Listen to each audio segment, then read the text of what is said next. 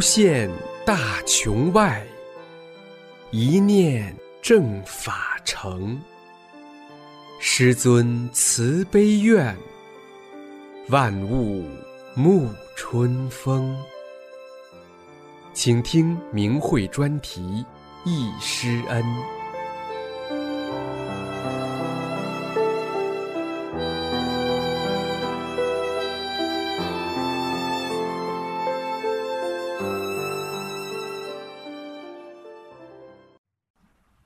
请听明慧忆师恩专题文章，题目是《回忆恩师在北京》，作者北京大法弟子魏法。文章发表于明慧网，二零零七年一月十三日。第一部分：一九九二年五月是师傅在北京大法开传的时日，那时各种各样的气功都在传，真的假的，好的坏的。很多人都分辨不清，师傅为了让更多的人了解法轮功，从而让更多的有缘人得度，就在北京开了几个咨询点，以治病的形式传法度人。其中一个咨询点设在金峰宾馆。当时去看病的人很多，每天夜里两三点钟就有人去排队挂号。我头一天去的时候，咨询点那里连个凳子都没有。很多人都站着，看一个走一个。当师傅给我调理时，我感到晕得很厉害，又吐又恶心。不知师傅从何处找了一个椅子让我坐下。第二天我又去了，我对师傅说：“我不治手了，我的腿怕风怕冷，请师傅给调理调理。”师傅用手呼啦了三下就完事儿了。当时我不懂气功治病。悟性不高，心想怎么这么快就完事儿了？就站在一边看师傅给我的一位朋友调理。调理完之后，我又对师傅说：“老师，你没有给我治好，我还难受。”师傅笑了，说：“你不让我治，能不难受吗？”接着，师傅喝了一口酒，给我喷了喷脖子周围和手。我连声谢谢都没说，就回家了。在回家的路上，我的腿重的像是灌了铅，抬不起来。因为快十二点了，我还有三个孩子上学回家吃饭。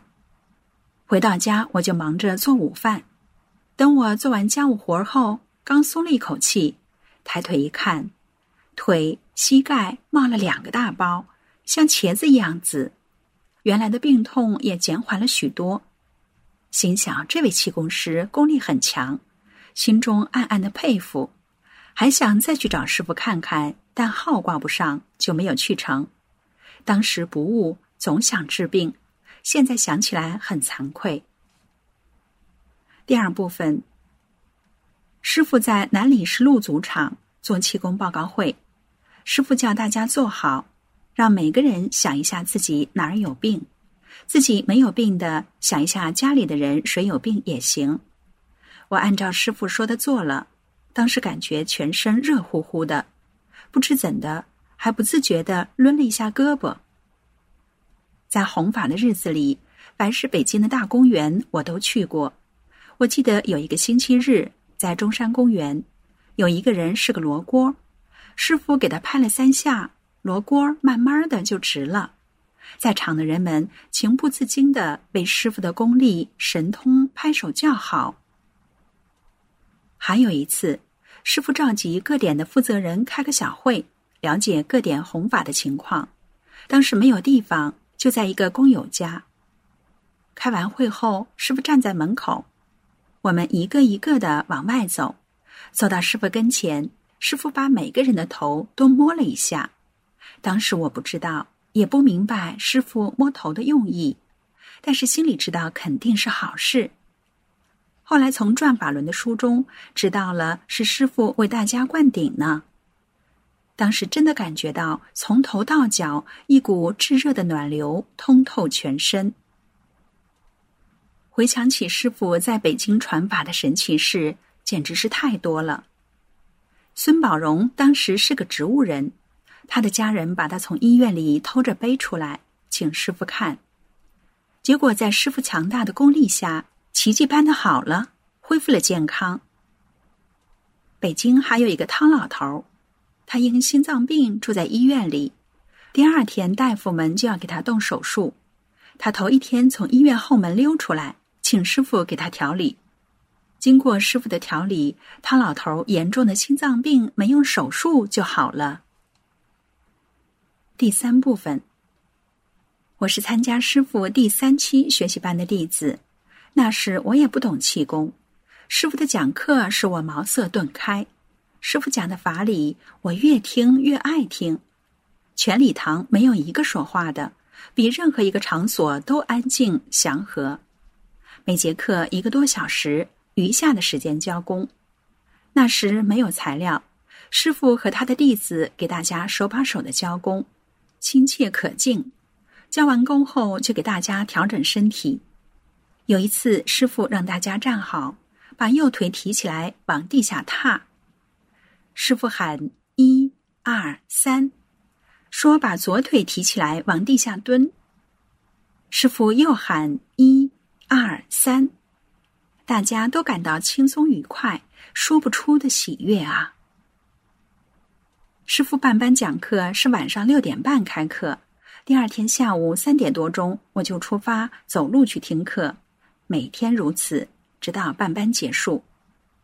在课堂上，师傅给大家开天幕，在讲到多维空间时，把桌子上的一杯水轻轻一拉，那杯水就一串串出来好几个水杯。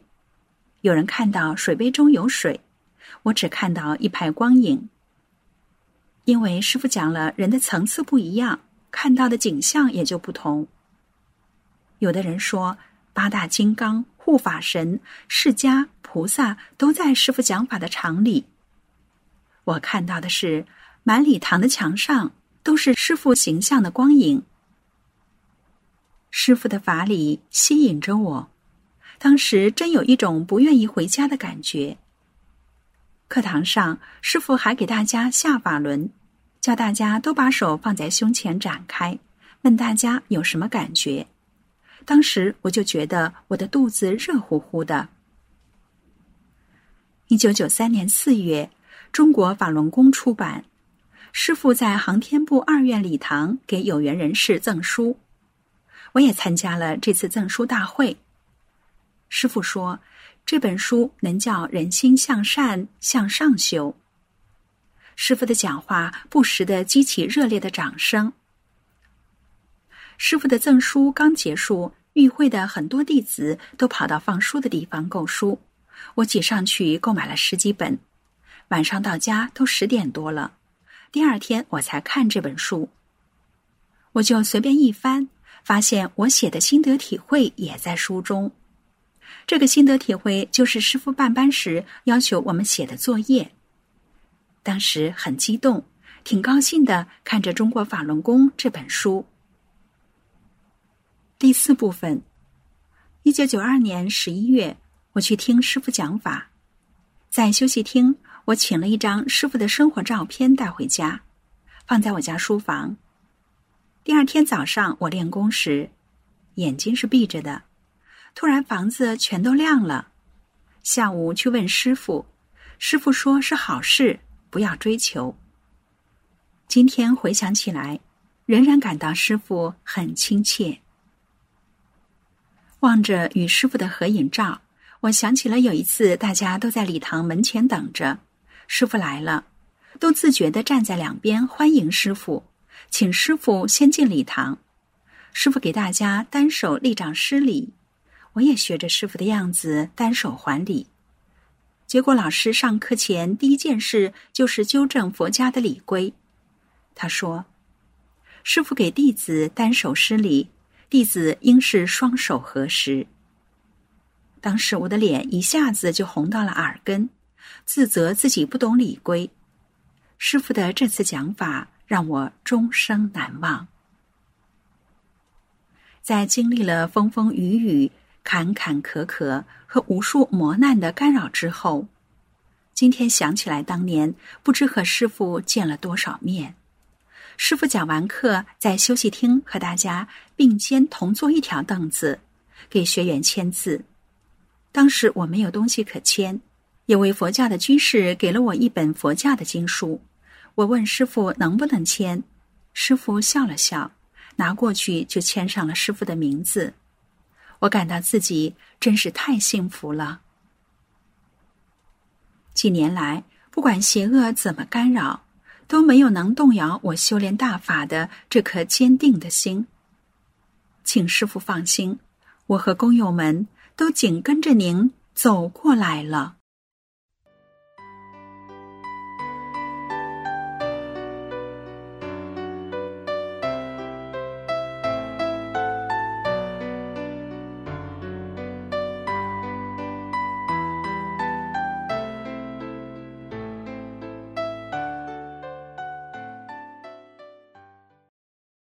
请听易师恩专题文章，题目是。回忆参加合肥法轮功传授班二三事，作者中国大陆大法弟子。一九九四年四月，我参加了安徽合肥法轮功传授班。在这之前，我已经连续六年看各种气功、宗教和传统文化方面的书，但是真正去外地参加一个气功学习班，这还是头一回。总共有两次，第二次是同年六月，参加济南法轮功传授班。两次都是我们当地学员组团集体参加的，不然的话，我恐怕也得不到这样的信息，促不成这样的机缘。合肥法轮功传授班是在安徽合肥党校礼堂举办的，有一千多人参加。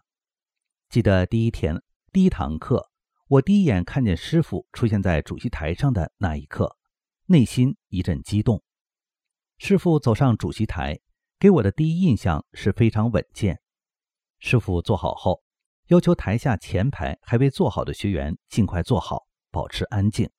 接着，师傅开始讲法。师傅的九堂课讲法从头到尾都在讲法理，而且是从来都没有听到过的。所以我当时听课的时候全神贯注，生怕漏听了一个字。包括后来在济南皇庭体育馆第二次参加学习班，也是这种状态，生怕漏听了一个字。以前我最喜欢读的书是佛经和道德经，但是虽然我喜欢读并且相信，可是他们并不能使我发生改变和提高。而师傅的讲法则不同，大法师傅用最浅白的语言，清楚明白地阐述了人为什么要修炼、修炼提高的方法、途径和道理，还讲了生命、宇宙的更大法理，包括修炼界秘而不宣的秘中之秘等等。更主要的是，我们后来在个人修炼过程中遇到的磨难以及过关的方法，就跟师傅讲课时讲的一模一样。不管是心性上的磨练，还是身体上的消业，只要向内修、向内找，坚定大法，都能过去。所有大法弟子的修炼实践都是证明。那时，全国无数大法弟子都是遇事向内找，遵照真善忍修正自己。是一个多么祥和的修炼团体，而每个大法弟子的身心受益都是来自于大法。我记得第一天晚上上完课回旅馆的路上，感觉全身轻飘飘的，从来没有过的那种轻松的感觉，我到现在都还记得。第二天上课的时候，知道原来是因为第一天师傅把我们身上不好的东西摘掉了。师傅还讲，今天就不同了。会有病液反应。当时第二天课结束时，我就看到坐在我后排的一个女学员难受的坐在那儿哭。参加学习班期间，还有几件事我印象挺深。有一次上课前，师傅从一个走廊经过，走廊不宽，我们学员站在两边，师傅从中间走过，走到我面前时，师傅停了下来。师傅自言自语地说。看看几点钟了，从口袋里掏出手表看了一眼，然后把手表放进口袋，继续往前走。走了几步，拐弯上了室外楼梯，又很随意的回头向我们的方向看了一眼。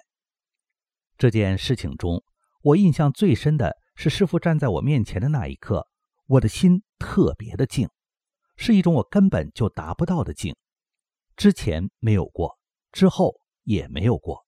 到现在我也达不到，所以印象特别深。打个比方说，比如一泓湖水，这种静不只是湖面静，而是湖面下面的水也很静，是一种很深的静。我现在相信，当时师傅是特意让我体验了一下那种静的感觉，只是表现得很随意，表面上好像什么都没做。最后一堂课上课前，我看见师傅站在礼堂正门外的台阶上。师傅站在台阶上端，我站在台阶下面。我仰望着师傅，师傅身材高大伟岸，一个人静静地站在那儿，手里拿着一摞学员的学法心得。那一刻，我感到师傅做这件事情是多么的认真啊！会亲自来收学员的学法心得。我因为是第一次参加学习班，所以我也写了一份心得体会。我记得我最后写的四句话是。人身难得今已得，佛法难闻今已闻。此身不向今世度，更向何世度此身？最后一堂课结束的时候，想到要离开师傅了，心里有些难过，便宽慰自己：师傅法身还会跟着我的。临分开前，师傅为我们转大法轮。我记得离开礼堂往回走的时候，全身充满能量。这种状态一直到家都是这样，感觉整个人焕然一新，就像大法师傅在《转法轮》书中讲的那样。我们好多人走出这个礼堂之后，你会觉得像另外一个人一样，保证你的世界观都发生转变了。你知道你将来怎么样去做人了，不能那样稀里糊涂了，保证是这样的。所以我们的心性已经跟上来了。当时真的就是这种感觉，而且参加学习班给我身心带来的强大震撼，这种感觉，回去后过了好长一段时间才逐渐消退。这是我人生的转折点，也是我生命的新的起点。从此，我走上了正法修炼的道路，成为了正法时期的大法弟子。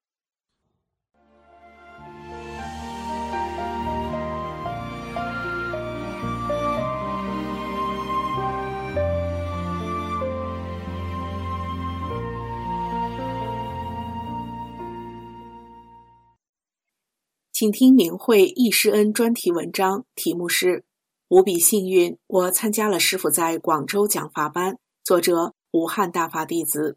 文章发表于二零二零年五月十七日。一九九四年十二月份，我们得知消息，师傅要在广州办讲法班。因为听说票早就卖完了，我们到处打听还能否再买到票。去郑州听过师傅讲法的同修说。就是买不着票，我也要去。我就是从他那里听说师傅要在广州办传法班的，听他这么一说，我就也想去。可是我面临一件难事：丈夫在外地打工，不能回家，孩子还小，没人看管。同修说：“我跟我丈夫商量，叫他帮忙照顾你的孩子，这期间孩子的生活费用我们回来再算。你到单位请十天假。”这事就这样安排好了。一九九四年十二月十八日，我们六个人一起乘火车到达广州，在其中一名同修的广州亲戚的帮助下，我们住进了广州军区招待所。离师傅讲法还有三天，我们每天去体育馆看一看，看有没有熟人能帮忙买到师傅传法班的票。体育馆那边每天都能看到好多人，有的在练功。我就感觉到手心、脚心、头顶都有东西在转动，能量场很强大。二十一号开班了，体育馆周围站了好多人，看着学员们一个个都进入会场，我们进不去，我的泪水忍不住往下流。特别后悔六月份师傅在郑州讲法时自己没去，机缘错过了。我一直在盼呀盼呀，想早日见到师傅。如果这次见不着，将是我终生的遗憾。这时，我看见武汉练功点的一位辅导员和一起来的同修在讲话。他俩和一起来的那位同修走到我面前说：“有两张票，你和年轻女孩进去听课，我们站在这周边再等等。”我高兴地拿着票进去找到座位，座位是师傅身后大约十排之内，看不见师傅的正面。我想，不在师傅的正面，是否有什么影响呢？师傅在讲课中就说，后面的也落不下。因为我刚学法不久，悟性不高，听师傅这么说，觉得很神奇。师傅给学员们调理身体，让大家想自己的一个病。我想的是，我的心脏常常发闷疼。师傅挥手时，我就觉得师傅的手进入我的胸部里边，立刻有种清凉舒适的感觉，身体轻松。我看到师傅手上抓出些黑不黑、白不白的黏糊糊的脏东西。师傅叫学员们听到师傅喊“一二三”十跺脚，可师傅还没喊到三，有的学员就先跺脚了。师傅就说：“学法有这么积极就好了。”大概意思，我们都能听到跺脚不整齐。师傅让大家再来一次。我想师傅多慈悲啊，对学员们这么负责。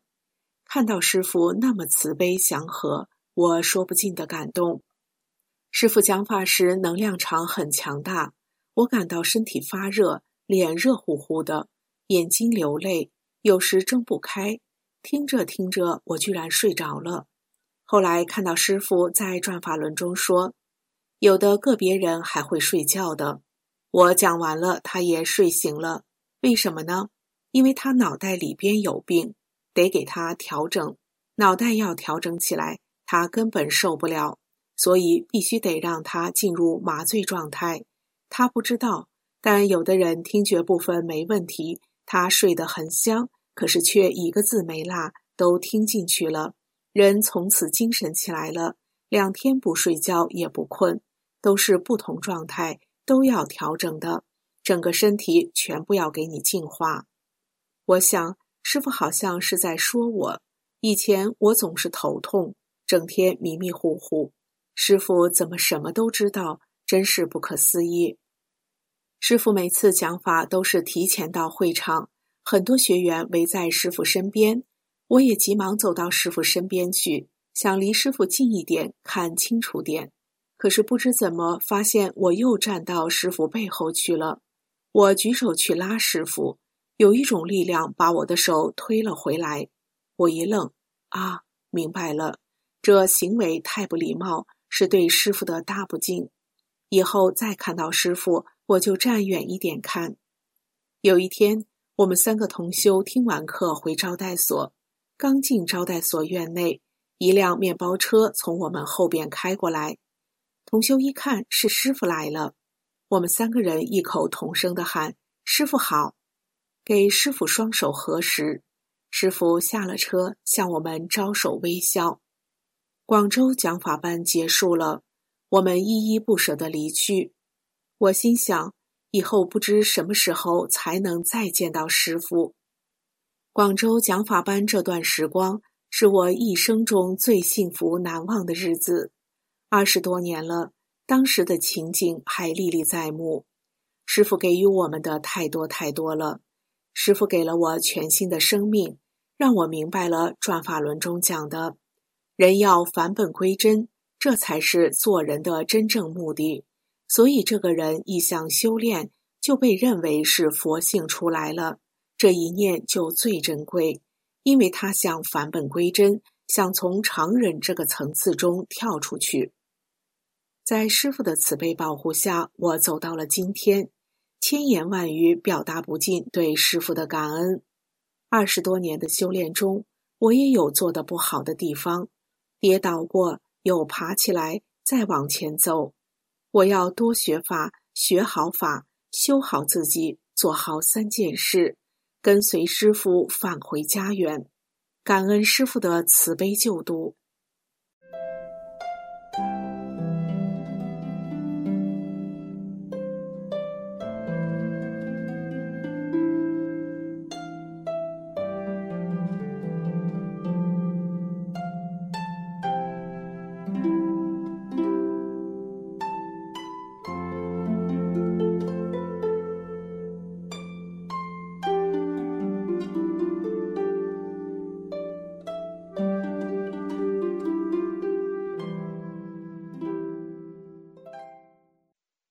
请听易师恩专题文章，题目是《回忆李洪志先生在瑞典传功讲法》。明慧记者李晓，瑞典哥德堡报道。文章发表于明慧网，二零二零年五月十一日。一九九五年四月七日至十四日，这是瑞典法轮功学员最最难忘的日子。那是因为。法轮功创始人李洪志先生结束了在法国的传法教功后，来到瑞典第二大城市哥德堡传法教功。这是李洪志先生到海外传法教功的第二站。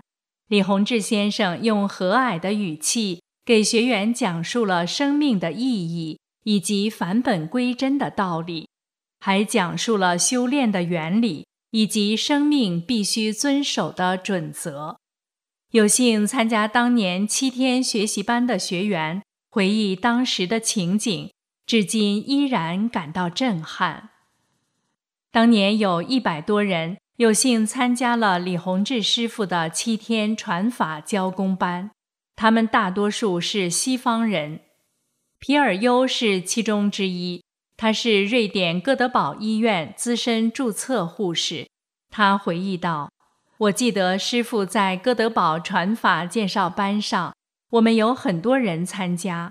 当时师傅让我们大家可以想一下自己身体有病、疼痛或者有问题的地方。我自己的后背已经疼痛了两年多，夜间难以入睡。我正想到这里，突然间。”感到一阵风穿过后背进入身体，身体当时就感到一身轻，多年的疼痛瞬间消失。我明白了大法的超常，亲身感受到大法的力量。当时李洪志老师为了能让大家听得更明白，在讲宇宙的结构时，一边讲一边在展板上画。皮尔优说。师傅告诉了我们关于宇宙以及我一生中一直上下求索的很多事情。他讲解了关于人生、生命的起源以及生命的意义、返本归真和生活中要做的事情。皮尔又说，师傅告诉我们找回真善忍，找回我们灵魂最根本、最纯洁、最善良的本性。这就是生活的全部意义。皮尔优接着回忆，师傅还告诉我们会经历各种考验而崛起，不断的修正自己，不断的升华，从而可以回到我们生命最初的来源。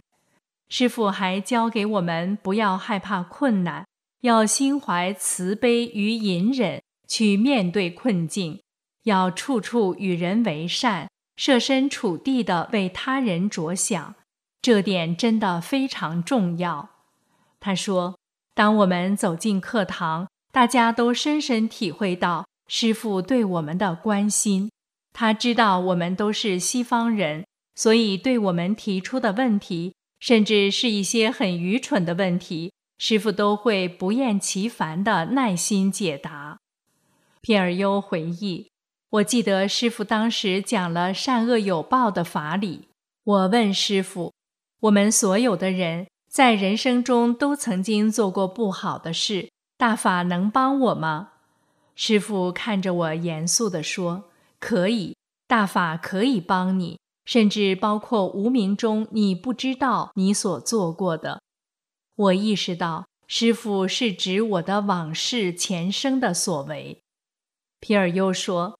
在为期七天的讲法班上，我们一起练功，人人都感受到很强的能量，大家都精力充沛，一直是欢声笑语陪伴。我当时有点宵夜，如头疼、感冒，有不同的症状出现，但很快症状就会消失，然后是身体一身轻，充满活力。我已经很久没有如此这般轻快的感觉了，这真是太神奇了，心里充满感恩激动，多么的幸运啊！我永远不会忘记那段美好时光。皮尔优说：“我已经修炼二十五年了。”他感到修炼中会慢慢对别人更有同情心，这几乎是自然而然发生的。只要读大法书、练功打坐，在困难中升华自己。我们的修炼人和其他人一样，也会遇到困难，但是我们不同的是，在困难中，我们会慈悲对待并宽恕他人，我们不会报复别人。反而用宽容对待，我们积极看待事物。当遇到困难时，我们正面看待，把它变成好事。大法教我永远要尽量这样做。他说：“每当我想起这二十五年的修炼历程，我总会禁不住泪水盈眶。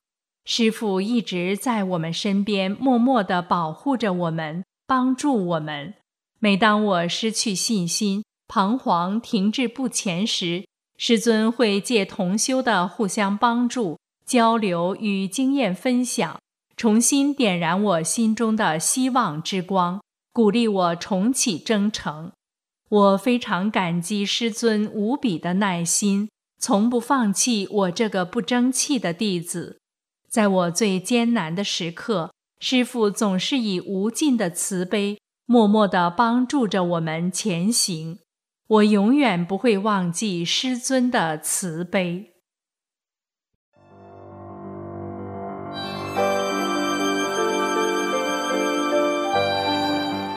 这一期的易师恩就到这里，谢谢收听。